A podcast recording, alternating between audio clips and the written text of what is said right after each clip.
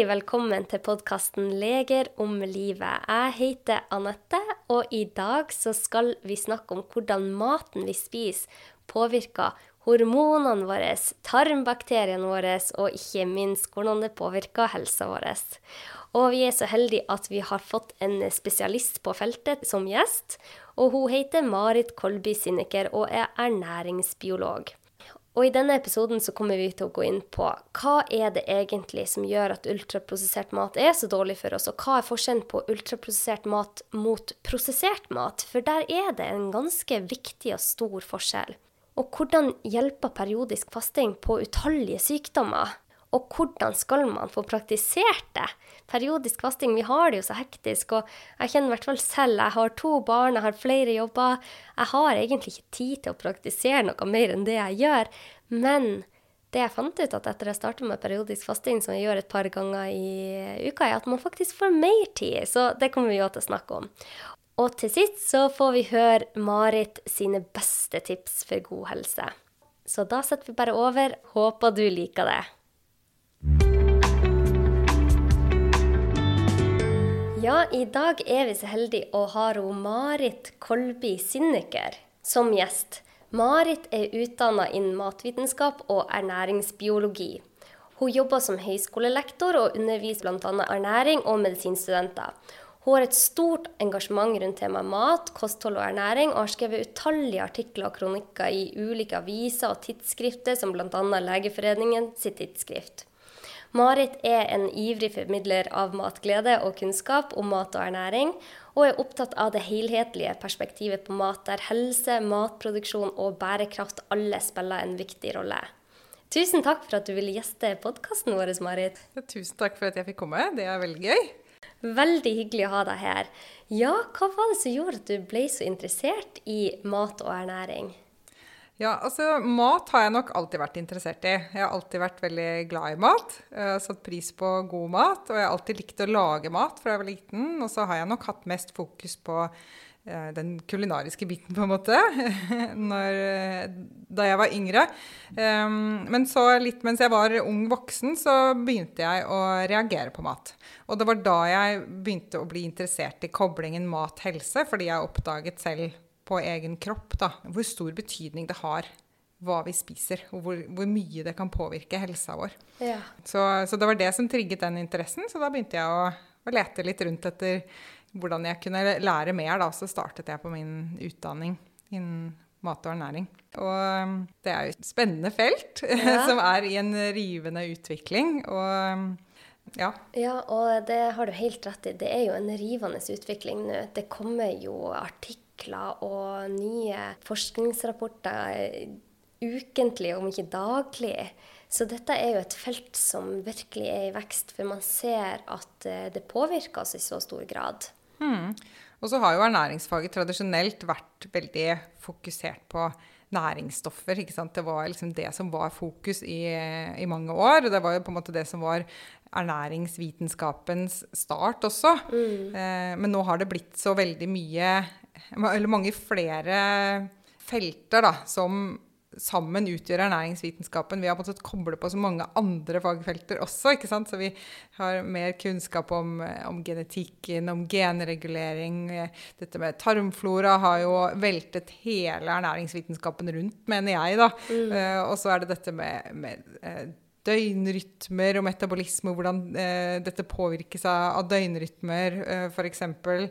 Um, og så er det dette med prosesseringsgrad på mat som vi skal snakke om. Så det er så mange uh, felter nå som, uh, som, er koblet sammen, og ja. som gjør at vi etter hvert forstår mer om hvordan maten påvirker oss, men også at det, det kommer så mange flere spørsmål da, som mm. vi trenger å besvare. Mm. Så det blir både veldig komplekst, uh, men det gir oss også noen ledetråder på hvor vi skal hen.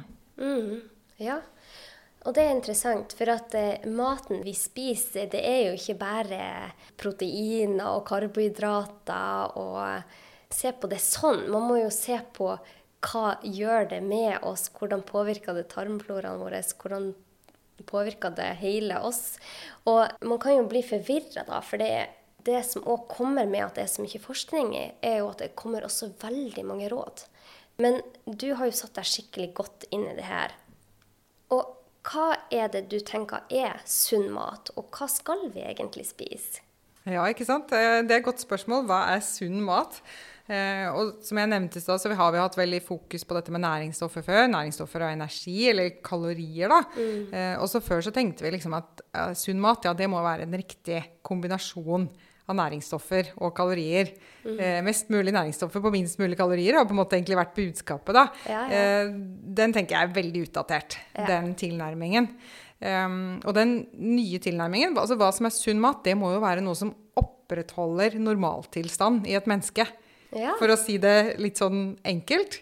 Godt sagt. Eh, ja, ikke sant? Fordi at vi, vi må tenke sånn at altså default må jo være helse. Vi er jo født med en evne til å være sunne og friske hvis vi da får det, den påvirkningen vi trenger for å holde oss sånn. Det er jo ikke sånn at vi er født med en slags det finnes jo selvfølgelig genetiske feil som gjør at sykdom oppstår, men hvis man i, i fravær av det, da, så må man jo anta at vi er født med en evne til å bevare helsen vår hvis vi får det vi trenger. Hvis vi får den maten vi trenger, den søvnen vi trenger, de sosiale relasjonene vi trenger, det ikke for mye stress, eh, bevegelse, alle, alle, disse tingene der, så er vi født med en evne til å holde oss friske. Ja.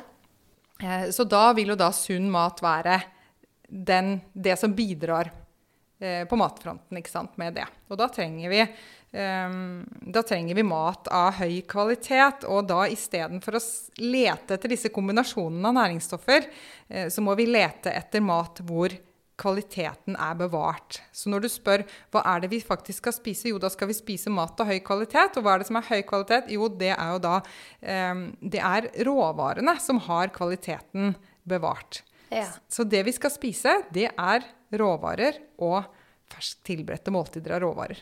Pleier jeg å si. For så enkelt er det. Eh, og så vanskelig, holdt på å si. ja, for um, råvarer, det er grønnsakene, fisken, Altså denne ikke-prosesserte maten. Er det det du mener da? Ja. Minst mulig prosessert, ikke sant. Eh, mest mulig av den minst mulig prosesserte maten. Eh, og råvarene er jo sånn som vi høster dem i naturen, ikke sant. Det er eh, egget, og det er kjøttet, og det er fisken i sin, sin rene form. Um, det betyr ikke at ikke vi skal gjøre noen ting med maten vår, at vi skal spise det rått, f.eks. Det er ikke det vi mener. Men at vi må se etter mat hvor råvarens kvalitet er bevart i det vi faktisk spiser. Ja. Så derfor så skal vi spise eh, råvarebasert mat, og så skal vi ikke spise den ultraprosesserte maten, som vi nok skal snakke litt mer om. Og det er så deilig, fordi at det, det du sier her, er jo støtta av utallige studier nå, og mye god forskning. Det at man skal spise råvarer, grønt og frukt og ren mat, og prøve å unngå prosessert mat. Men da må vi vite hva er egentlig prosessert mat, og hva er forskjellen på ultraprosessert mot prosessert? Ja, um, og det er eh, et viktig å poengtere den forskjellen der. For at det å prosessere i seg selv er det ikke noe galt med. Eh, selve definisjonen på prosessering innebærer også helt enkle ting som å skrelle en gulrot eller fryse, fryse maten, f.eks. Også helt enkle prosesser som, som pasteurisering av melk. Det er ikke det vi problematiserer her. Og, og, heller ikke det å lage da produkter som er som er f.eks. varmebehandlet for at de skal holde seg bedre, altså hermetisering og sånn f.eks., det er det vi kaller prosessert mat. Det er ikke et problem. Eh, veldig mange av de type prosessene de bruker vi for å fremstille god, holdbar, trygg mat. Så er da forskjellen, eller Spørsmålet er jo da hva er forskjellen på prosessert mat og ultraprosessert mat? Og der er det det kunne vi snakket veldig lenge om, men det får prøve å holde det sånn litt kort. Det som er greia, er at den ultraprosesserte maten, den hensikten med den ekstra prosesseringen som er gjort der, er ikke å gjøre maten trygg, f.eks. Den hensikten er å fremstille matvarer som, er, som blir oppfattet som så gode at vi egentlig får lyst til å spise mer enn nødvendig av dem, f.eks. Mm. Eh, kan være, hensikten kan også være å øke profitt så mye som mulig. Ja, og, og holdbarhet, f.eks. At det skal Ja, det kan også være å, å, fremstille matvarer som er ekstremt holdbare, da. Ja. Eh, Men det er et helt annet nivå av prosessering, hvor det da eh, inngår vel, ofte veldig mange forskjellige ingredienser. Og veldig mange forskjellige typer fysisk-kjemiske prosesser som man typisk ikke kan gjøre et, et vanlig kjøkken. Ja. Så vi problematiserer ikke vanlig matvarelaging. Altså sånn eh, Koking, kok- ja, steking. sant? Det er ikke det som er, eh, er greia her. Sånn. Vi er, det er på et helt annet nivå av prosessering, da. Um, og dette med forskjellen på prosessering og ultraprosessering, det er jo beskrevet i det som kalles for, eh, for NOVA-klassifikasjonen. Så dette her er jo uh, godt definert. Men det er, det er jo da et rammeverk som man kan bruke til å bedømme maten og si om den havner i den ene eller andre kategorien. Ja. Uh, og det som er interessant i det, denne forbindelsen her, er at når man da studerer effekten av disse forskjellige gruppene med mat, så ser man at den ultraprosesserte maten den skiller seg ut. Altså de som spiser mye av den ultraprosesserte maten, de har høyere risiko for veldig mange forskjellige typer helseproblemer.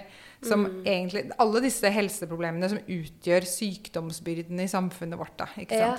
Ja. Eh, som er de, de, de store. Eh, som kreft, hjerte- og karsykdom, diabetes type 2, eh, fedme. Eh, men også mange andre typer mm, lidelser og tilstander. F.eks. så er det da flere studier som har vist en sammenheng med depresjon eh, og høyt inntak av ultraprosessert mat. Mm. Så hva er egentlig ultraprosessert mat hvis man skal gå i butikken da? Vil en mellombar eh, klassifiseres som ultraprosessert? Ja, de fleste vil det. Altså det går an å lage en mellombar eh, som er eh, heller en sånn type frukt, eh, nøttebar som er prosessert. Hvis du, hvis du bare bruker eh, eh, frukt og nøtter, f.eks. Ja. Eh, men de fleste vil være, sånn, vil være ultraprosessert og inneholde eh, ganske mange flere ingredienser, og bl.a. veldig mye sukker. Ja. Eh, Så, men det som kjennetegner disse ultraprosesserte matvarene, det er at de, er, de består i liten grad av råvarer.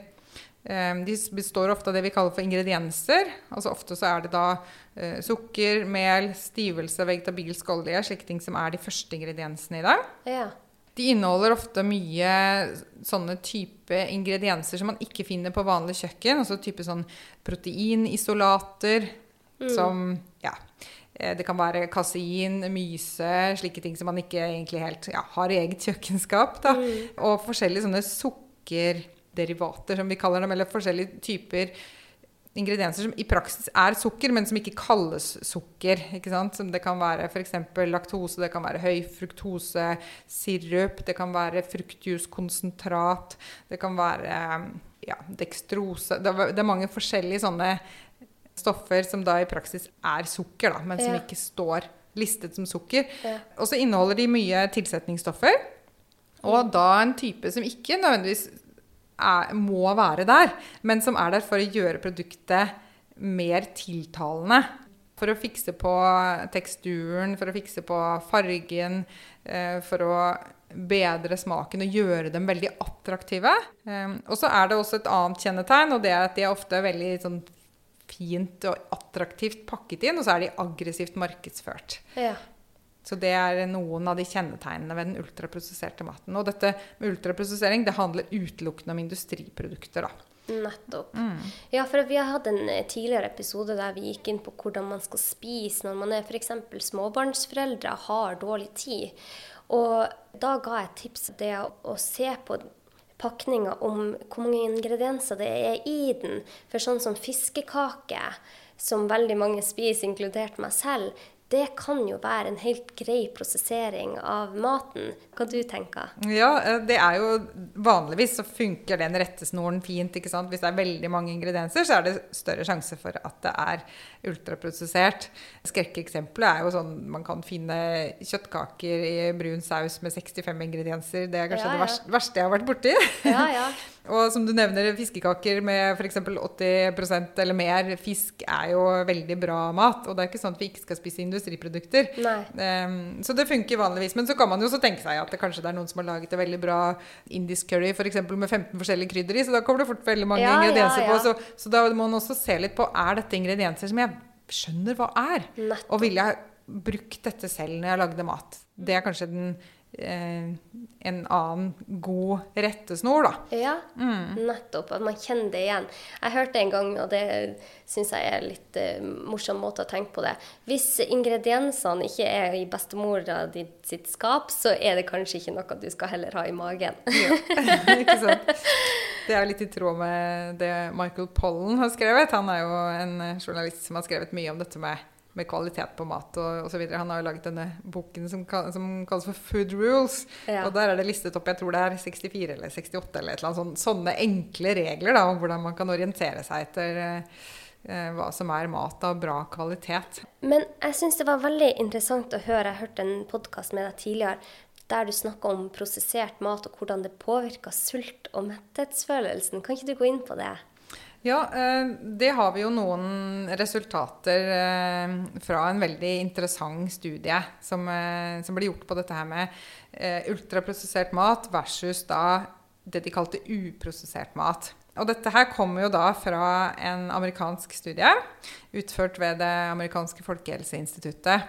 Og det de ønsket å undersøke i denne studien her, er hva som skjer hvis vi setter mennesker på et nesten rent ultraprosessert kosthold, eller et kosthold som da er det de kalte uprosessert, som ikke inneholder noe ultraprosessert mat, men som inneholder mest råvarer og ferskt tilberedte måltider. Eh, litt grann prosessert mat. Så det var det de gjorde. Da har de folk eh, innesperret i, i, eh, i egne forskningsfasiliteter, og så bor de der en hel måned. da.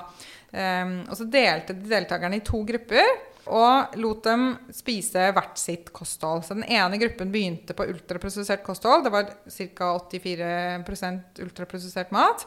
eh, Mens den andre gruppen begynte da på uprosessert. Og etter 14 dager så bytter de. Så det er en sånn overkrysningsstudie. Og det er veldig smart, for dette da kan man luke ut alle sånne genetiske forskjeller og sant, forskjellige preferanser osv. Og, så og så får man på en måte hvert, hvert, hver deltaker får hvert sin egen kontroll da, i denne studien. Nettopp. Og det de så da i denne studien, var at, eh, at når de spiste ultraprosessert mat, så spiste deltakerne ca. 500 kilokalorier mer om dagen i gjennomsnitt. Og det er en veldig stor mengde mat. altså For et eh, ikke veldig stort menneske så er det omtrent en fjerdedel av av energibehovet. Så det er, det er vesentlig. Det er en veldig mye større effekt enn man har sett i noen andre sånne typer studier før. Og så så man det at når de da spiste dette uprosesserte kostholdet, som de kalte det, eh, så gikk deltakerne eh, Så spiste de da altså tilsvarende mindre, og så gikk de da opp nesten et kilo i vekt på disse 14 dagene på ultraprosessert mat, og så gikk de ned et kilo på den uprosesserte maten. Og de hadde ingen restriksjoner på matinntak. Instruksjonen var bare 'spis så mye du vil', spis til du er mett og fornøyd. Og det som også var veldig interessant med denne studien, var at energiinnholdet i maten de ble presentert for, var likt mellom kostholdene. Og det var likt innhold av fett og proteiner og karbohydrater og salt og fiber. Og det er jo vanligvis disse faktorene vi har forklart matens helse ut fra før. ikke sant? Og allikevel så ser man disse store forskjellene. Og han som var ansvarlig for studien, som heter Kevin Hall, han ble veldig overrasket selv, fordi at han var sikker på at man ikke ville finne noen forskjell, fordi at nettopp disse faktorene var like. Ja. Og han sa at dette er jo da den første studien som viser at det er noe annet med disse ultraprosesserte matvarene. Og noe, dette, hva dette noe annet er, det er vi jo ikke ferdig med å finne ut av. Men det kom jo noen interessante resultater fra den studien, bl.a. på dette med sult og metthet, som du nevnte. Eh, og det man så, var at når de spiste uprosessert eh, mat, så skilte de ut mindre sulthormon. Um, og så skilte de ut litt mer av et uh, metthetshormon som skilles ut i tarmen da, som respons på at maten kommer inn i, i tarmen. Og dette her er jo signaler som, som styrer oss i forbindelse med matinntaket vårt. Det styrer oss i forhold til når vi setter i gang å spise, og når vi avslutter å spise et måltid. Og så var det også et, et, um, et annet resultat som jeg syns personlig var veldig interessant. Og det var at når deltakerne gikk på det uprosesserte kostholdet, så gikk da betennelsesmarkører ned ganske mye på bare 14 dager. Og vi vet jo at betennelse, eller inflammasjon, da, det er jo en, eh, en fellesnevner ved egentlig alle disse ikke-smittsomme sykdommene som utgjør den store sykdomsbyrden i samfunnet vårt. Vi vet at det er en del av det kliniske bildet. Så er, det er veldig interessante resultater. Og det som er bra, er at dette her var jo da en, en, en, en studie av aller høyeste kvalitet, man, som er egnet til, til å si noe om årsakssammenheng. Her kan man si at det var dette kostholdet som var selve årsaken. Så, men det er klart vi trenger, vi trenger mer forskning på det, og vi trenger å finne ut mer av disse her biologiske mekanismene. Hva er det som mm. skjer i kroppene våre når vi spiser denne maten og denne maten? Mm. Eh, så, men, men, det viser da at disse antagelsene vi har gjort, at selve næringsstoffene i maten det er det som er viktige, det viser seg å ikke stemme. Veldig interessant. Ja, og det, det du har vært inne på, det påvirker jo òg Det har jo vist at det, den uh, ultraprosesserte maten påvirker tarmfloraen din på en uh, negativ måte. Det er jo helt i starten av den forskninga, men det syns jeg er veldig spennende. Vi snakker jo ofte om tarmflora i vår podkast. Har du mm. noe å si til det? Ja, altså det er noe av det jeg har forsket på selv. Eh, fordi jeg har vært veldig fascinert av dette med de helseeffektene man ser av ultraprosessert mat, og ønsket å finne ut av hva er det som, hva er det som forårsaker dette her? Hva er det som skjer når man spiser denne maten? Og det er en, som du sier, det er litt sånn i startgropa. Her eh, trengs det også mer forskning. Men når man setter sammen forskjellige typer kunnskap om dette, eh, hvor vi har egentlig mest fra dyrestudier, da, eh, så ser vi det at den maten, den ultraprosesserte maten, den påvirker da tarmfloraen vår, og ikke nødvendigvis bare tarmflora, men det jeg liker å kalle fordøyelsesflora, for dette starter jo i munnen. Ja. Og vi vet jo at den orale helsen, altså munnhelsen, er også veldig viktig for helsen generelt. Um, så det starter egentlig der, og så påvirker det da hva som skjer i tarmfloraen videre.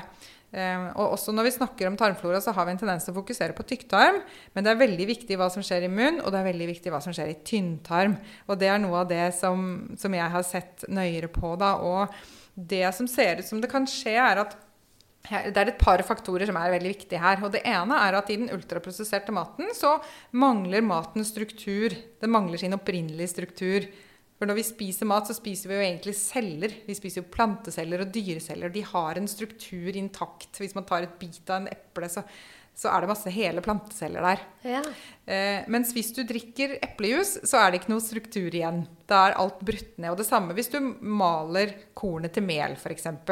Eller hvis, du ekstraherer planteoljen ut av en eller annen, et eller annet korn. Altså, ja. Lager maisolje fra mais, f.eks. Da er det ikke noe struktur igjen. Og det å sende disse næringsstoffene ned i fordøyelsessystemet vårt uten struktur, det påvirker tarmfloraen på en helt annen måte. Mm. Eh, og det som kan skje da, er, er, at det blir for det første veldig, veldig mye næringsstoffer frigjort veldig høyt i tynntarmen. Og tynntarmen er et sted hvor vi ikke skal ha noe særlig bakterievekst. Eh, tynntarmen prøver selv hele tiden i fordøyelsesprosessene å motvirke bakterievekst. Um, og så kan man påvirke de bakteriene som er der, til å begynne å oppføre seg på en annen måte.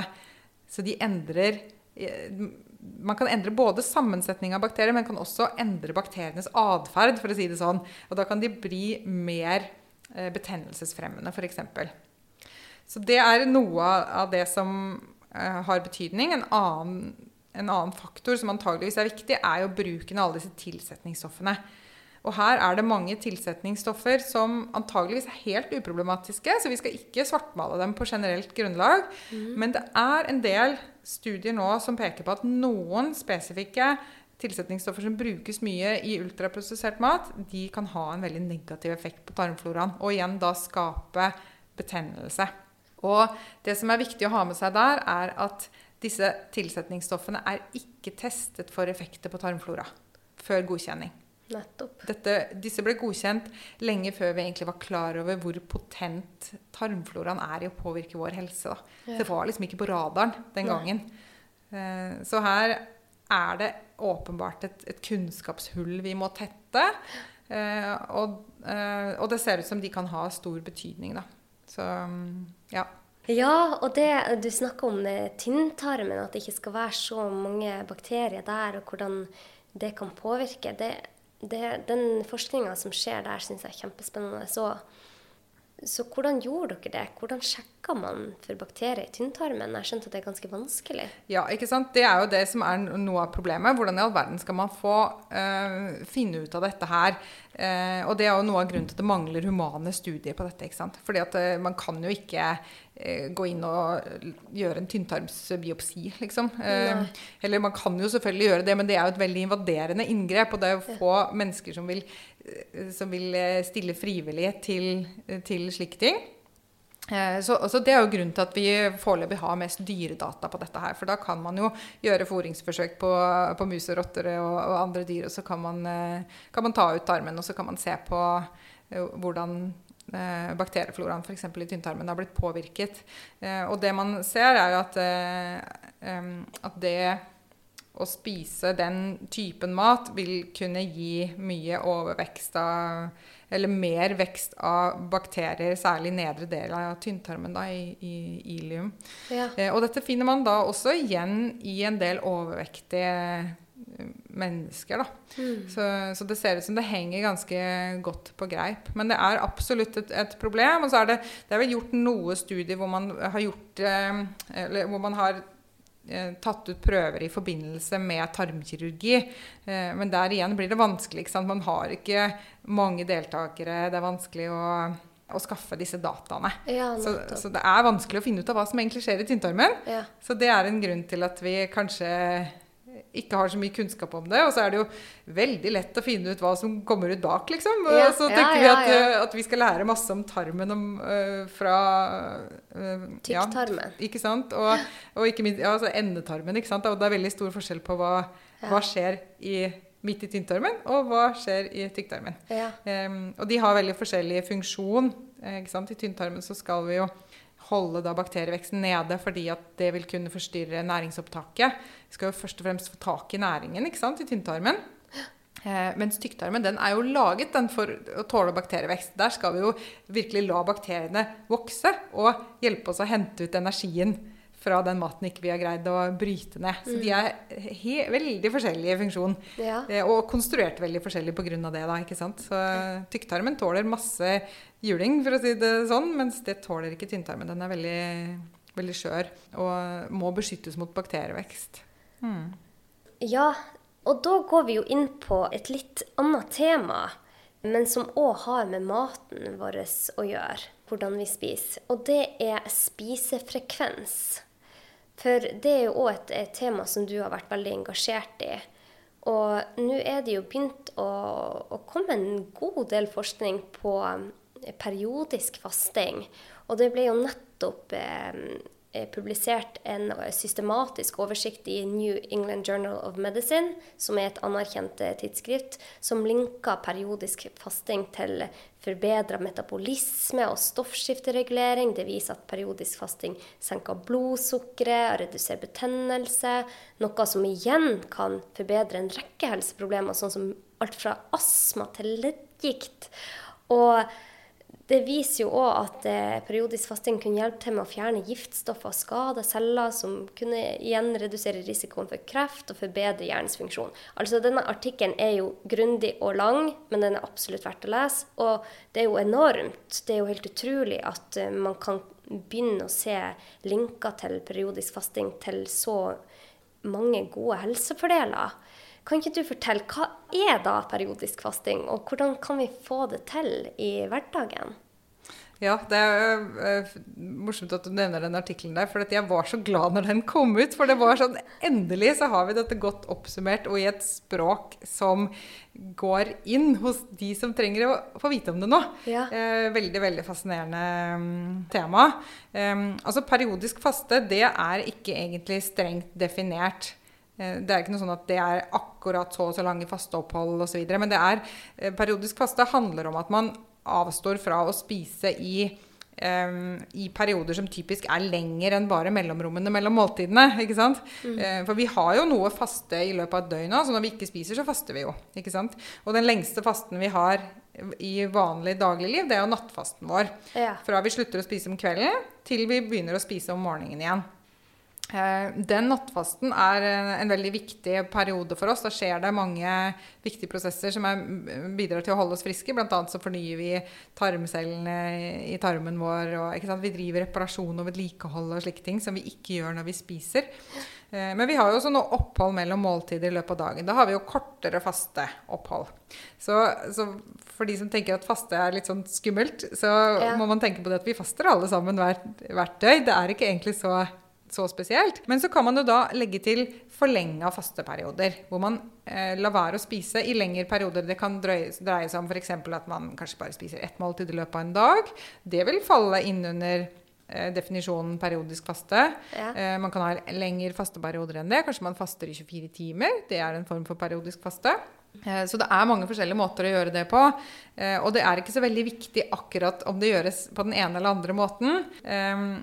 Hvis man faster noe særlig lenger enn 48 timer, det er liksom ikke det som går innenfor vanlig den ja, måten vi snakker om periodisk faste på, da, da, begynner vi å bevege oss over i litt sånne andre fasteregimer. Altså, og det trenger man ikke for å det, få de nei, gode helseeffektene? Nei, det ser ikke ut som om man trenger det. Mm. Um, men det ser ut som om det å ha disse gode fasteperiodene i hverdagen er kanskje det viktigste. Men hvis man har Altså for å opprettholde normal helse, da, ikke sant? som vi snakket litt om selv altså hel, hel, i stad, helse er default, ikke sant? Men har man først blitt syk, da, har man først uh, fått f.eks.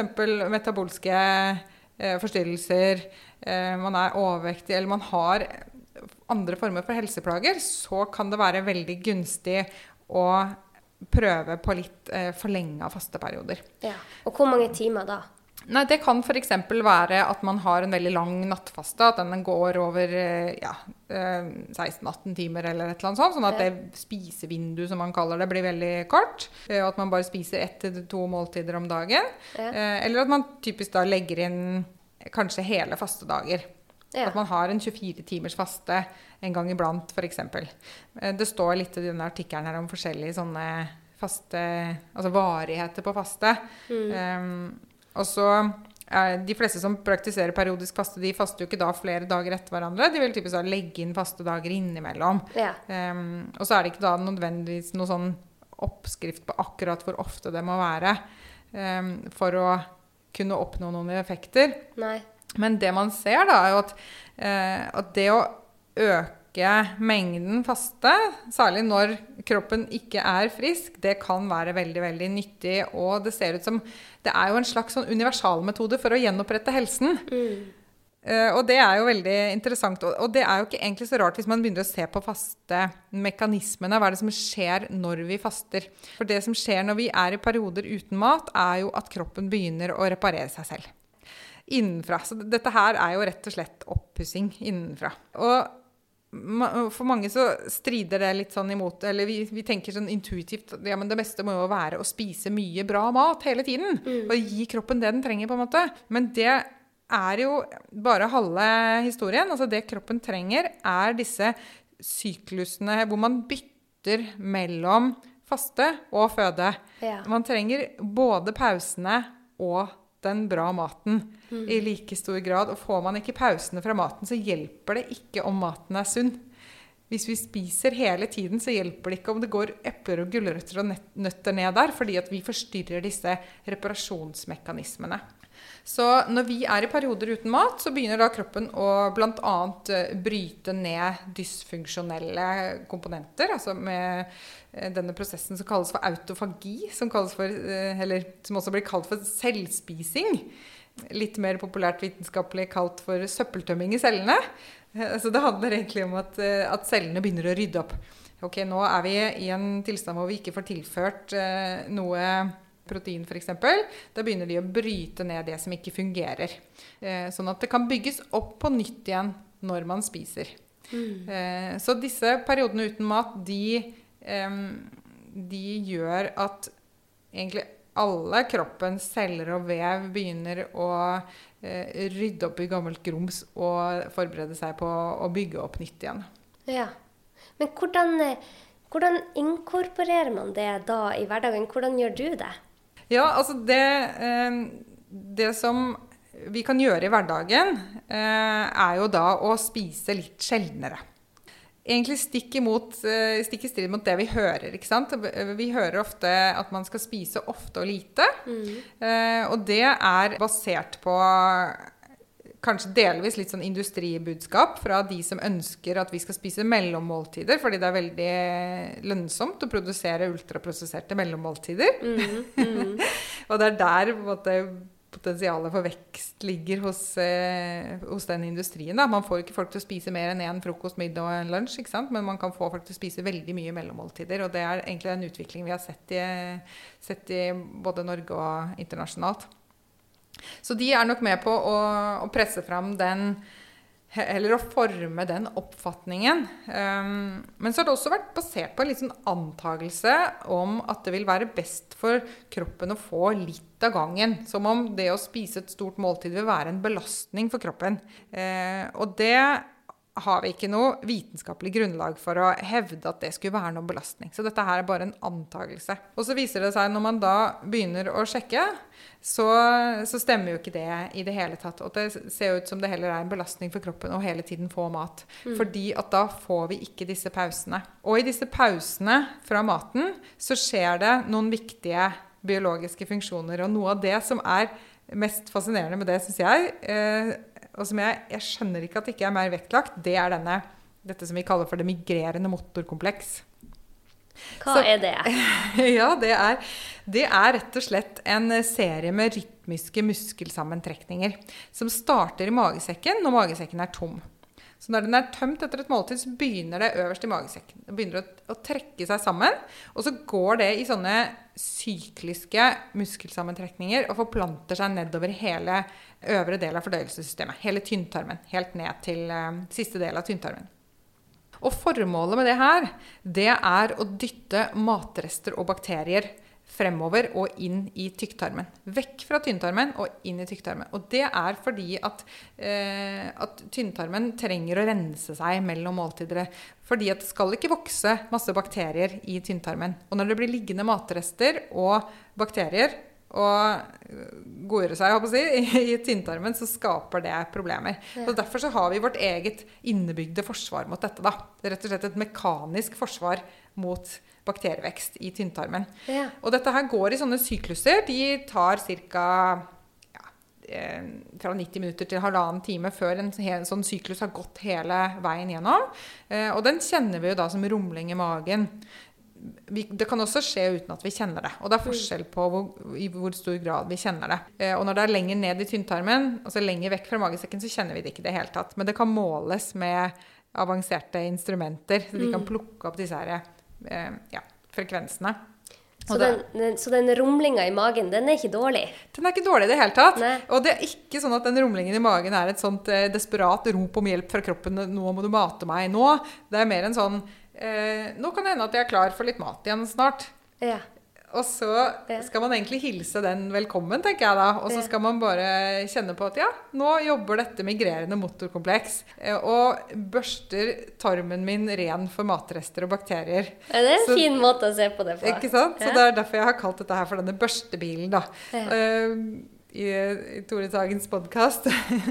Så jeg syns det er et fint bilde på det. Altså, og, og, og, da kan vi tenke på at ok, la denne børstebilen kjøre og vaske tarmen vår før vi spiser et nytt uh, måltid. Ja. Um, men um, alt vi spiser, stopper denne børstebilen. Ja. Dette migrerende motorkompleks. Så ja. da hjelper det ikke om maten er sunn. Sender vi ned en gulrot, uh, så stopper vi denne prosessen. Så det er veldig underkommunisert at vi har denne funksjonen i tarmen. Eh, og jeg tror at, eh, at, det er nyttig å vite om det. fordi at mm. da blir man ikke redd for den sultfølelsen. Så tenker man at ja, men dette er en viktig funksjon. Den skal jeg hilse velkommen. Så skal jeg spise et måltid når jeg er eh, altså når, når, jeg har tid til å lage meg ordentlig kvalitetsmat, istedenfor da å løpe litt sånn halvdesperat inn på en eller annen kiosk og så ende opp med en bolle, liksom, bare fordi man tror at man må respondere på denne følelsen i tarmen ja, der og da. Så, og det er det mange som gjør. Så ender man opp med at et stor del av energiinntaket blir eh, slike ultraprosesserte, dårlig kvalitets eh, matvarer utenom måltider. Det er et veldig godt poeng, og jeg kjenner meg så igjen i det før jeg satte meg inn i dette med fasting. Så man tenkte jo, eller jeg tenkte i hvert fall, at jeg måtte spise hele tida for å holde i gang kroppen og ha fokus og ikke få blodsukkerfall. Og man hører jo alle disse eh, teoriene som er bak hvorfor man skal eh, spise så ofte. Men det jeg syns har vært veldig deilig etter at jeg selv begynte med periodisk fasting, er at jeg ser at kroppen min fungerer kjempefint, selv om ikke jeg spiser på eh, la oss si fem timer. Jeg klarer å fokusere, og jeg klarer å gjøre jobben min for det. Noe jeg ikke trodde jeg kunne gjøre før. Og sånn som jeg inkorporerer det i min hverdag, da For jeg tenker at low hanging fruits pleier å si. Det å gjøre det så enkelt som mulig for deg selv. Så det jeg gjør, er jo bl.a. at jeg eh, slutter å spise, la oss si klokka syv på kvelden. Og så spiser jeg ikke da før klokka ti neste dag. Hopper jeg over frokost, og så spiser jeg en god lunsj eh, litt tidlig, ti eller tolv. Og da har jo jeg fått ja, 14-16 timers eh, fasting som egentlig ikke kjennes så veldig godt det er ikke sånn at jeg savner mat og higer etter å få i meg mat. Jeg klarer det fint i en uh, travel hverdag. Eh, og ja, man føler seg bedre. Eh, og man må jo finne ut selv hva som fungerer for hver og en. Eh, for enkelte så, så, må de ha frokost, og da er det kanskje bedre å skippe maten på kvelden. Mens for enkelte har de en metabolisme der det er lett å skippe frokost, men de må kvelds. Så vi, ja, er litt, vi, er jo forskjellige der. Ja, der er vi veldig forskjellige. Og er, vi er veldig vant til å akseptere det premisset at vi er A- og B-mennesker. Ja. Vi er kanskje litt sånn A- og B-spisere også. ikke sant? Noen er ikke sultne om morgenen i det hele tatt. Og da Vi skal ikke spise når vi ikke er sultne. Det, som du snakker om, lavt hengende frukter, det er i hvert fall noe vi ikke skal gjøre. Ikke sant? Spise fordi vi tror at det er bra for oss når vi ikke er sultne. Um, ja, det, ja, ja. det, må vi tørre å stole på at kroppen uh, sier fra om. Uh, men så skal vi heller ikke spise hver gang vi er bitte litt småsultne. Ikke sant? Så Nei finne en sånn god, uh, god balanse der. Men det er, ja, det er, helt riktig som du sier, man kan gjøre dette på flere måter. Man kan mm. Eh, man kan skyve litt på frokosten, eh, eller man kan slutte å spise litt tidligere. og Da får man denne lange nattfasten. Um, og det er jo vanlig hvis man ser på Jeg liker jo å se evolusjonsmessig på det meste. Og før i tida, altså våre forfedre, eh, de spiste jo ikke hver andre time og eh, snekka på kvelden. Altså de spiste når de hadde mat, og det var gjerne litt større måltid, sjeldnere.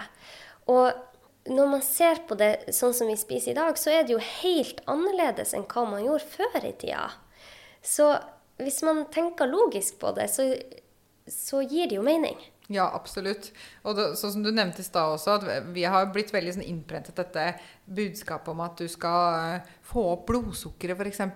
Det er også interessant, eh, et interessant perspektiv. fordi det er jo ikke sånn at vi mennesker må påvirke blodsukkeret vårt selv ved å tilføre mat. Altså det er jo, når vi spiser, så stiger jo blodsukkeret, og det kroppen vil da, er jo å få blodsukkeret ned på normalen igjen.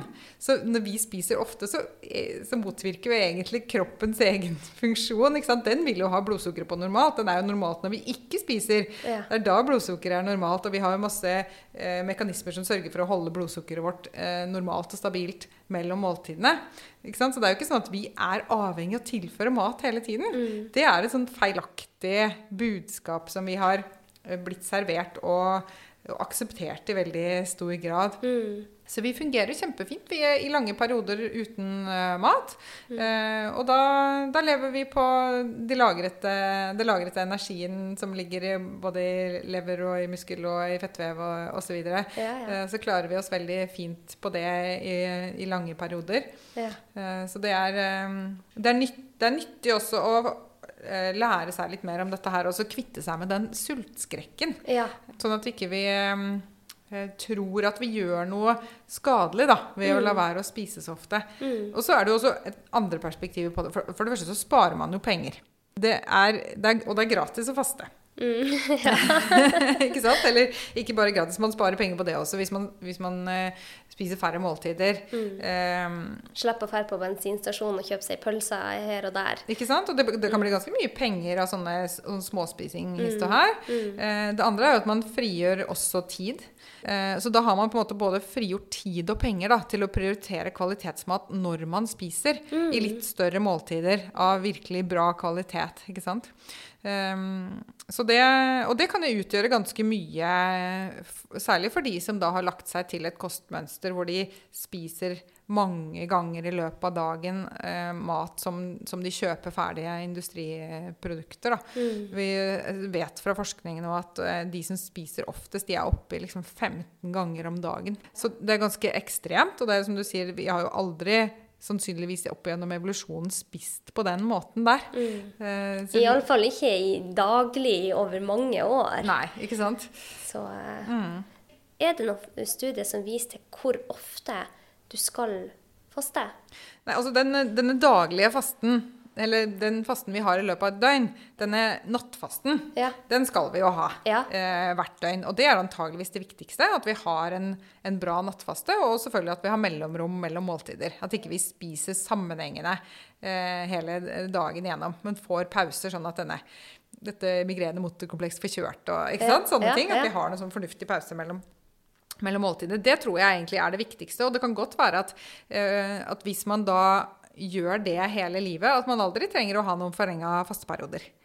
Det kan godt hende. Men hvis man først da har fått noen helseproblemer mm. Og dette her handler jo ikke da bare om øh, øh, ja, overvekt eller altså, diabetes type 2 eller slike mm. ting. Det handler også veldig mye om andre, mer diffuse plager. Det kan handle om øh, migrene, det kan handle om muskel- og leddsmerter, som veldig mange har.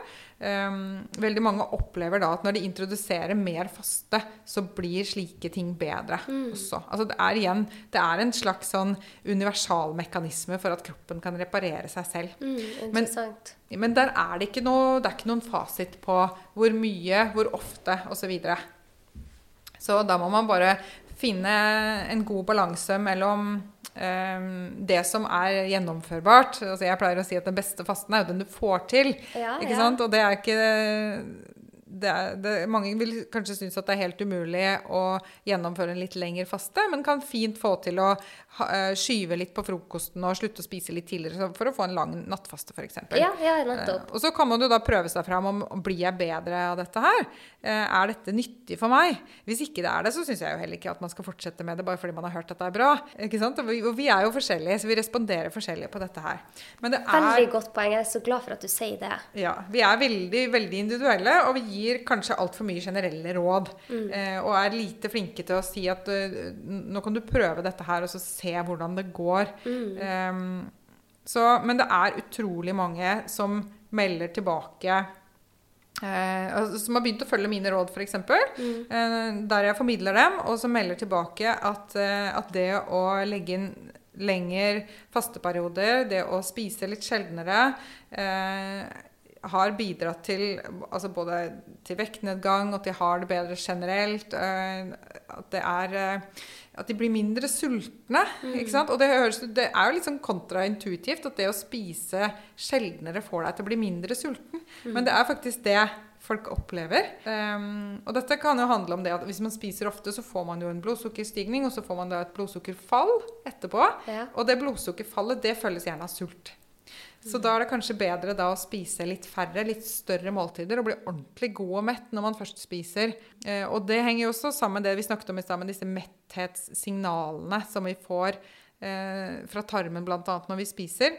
Hvis vi spiser en eller annen bitte liten ting på farta, så blir ikke det nok mat til at man virkelig får løst ut disse metthetssignalene. Mm. Som skal gå fra, hjernen, nei, fra, tarmen opp til hjernen og skal fortelle oss at ja, nå kan du avslutte dette måltidet, for nå har du blitt mett. Så hvis man ikke spiser ordentlige måltider når man først spiser, så blir man kanskje ikke sånn biologisk mett. Magesekken kan være liksom full av mat uh, ofte, den, men men man får ikke disse signalene. Og da, uh, da, vil hjernen fortelle oss at vi skal spise mer. Mm, det er interessant. Mm. Ja, vet du, jeg kunne ha snakka med deg om dette i timevis, Marit, kjenner jeg. For det er så spennende, og du har så mye god kunnskap på temaet. Men eh, før eh, Nå må vi eh, skulle jeg si legg på. For at tida har flydd ifra oss. Men eh, har du et siste tips til lytterne våre for god helse? Ja, altså det jeg tenker er litt viktig, er å ikke prøve å endre alt på en gang. Hvis man tenker sånn at ja, jeg har nok et stort forbedringspotensial her. Ikke tenk sånn at, at i morgen så skal jeg bare spise hjemmelaget eh, mat og råvarer, og jeg skal begynne å faste samtidig. Jeg skal gjøre liksom alt på en gang, for det klarer vi ikke. Eh, så da tenker jeg at et godt råd er å ta tak i én ting. Hvis man f.eks. spiser veldig mye av disse ultraprosesserte mellommåltidene, det er et veldig bra sted å begynne. Med å rett og slett bare tenke kanskje jeg skal kutte de. Jeg vente til jeg får laget meg et ordentlig måltid? Skal jeg spise meg god og mett på et ordentlig måltid av kvalitetsmat?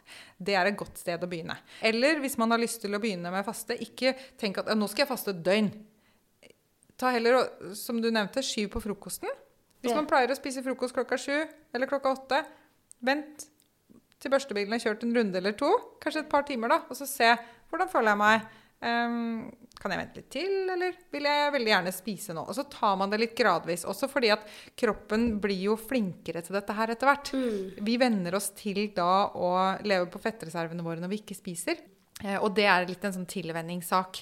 Eh, Så ja, så ikke ta alt på en gang. Ta noen små skritt av gangen. Og så hvis man klarer å gjøre noen sånne små endringer, så um, må man være veldig fornøyd med at man har klart å gjøre noen positive endringer. Og så kan man legge på en endring til, og en til, og en til. Og så ruller den ballen i riktig retning, forhåpentligvis. Så én ting av gangen. Veldig godt sagt. Ja, Marit, da sier vi takk for i dag, og tusen hjertelig takk for at du ble med i podkasten vår. Tusen takk for at jeg fikk komme. Det var veldig hyggelig å ha deg her.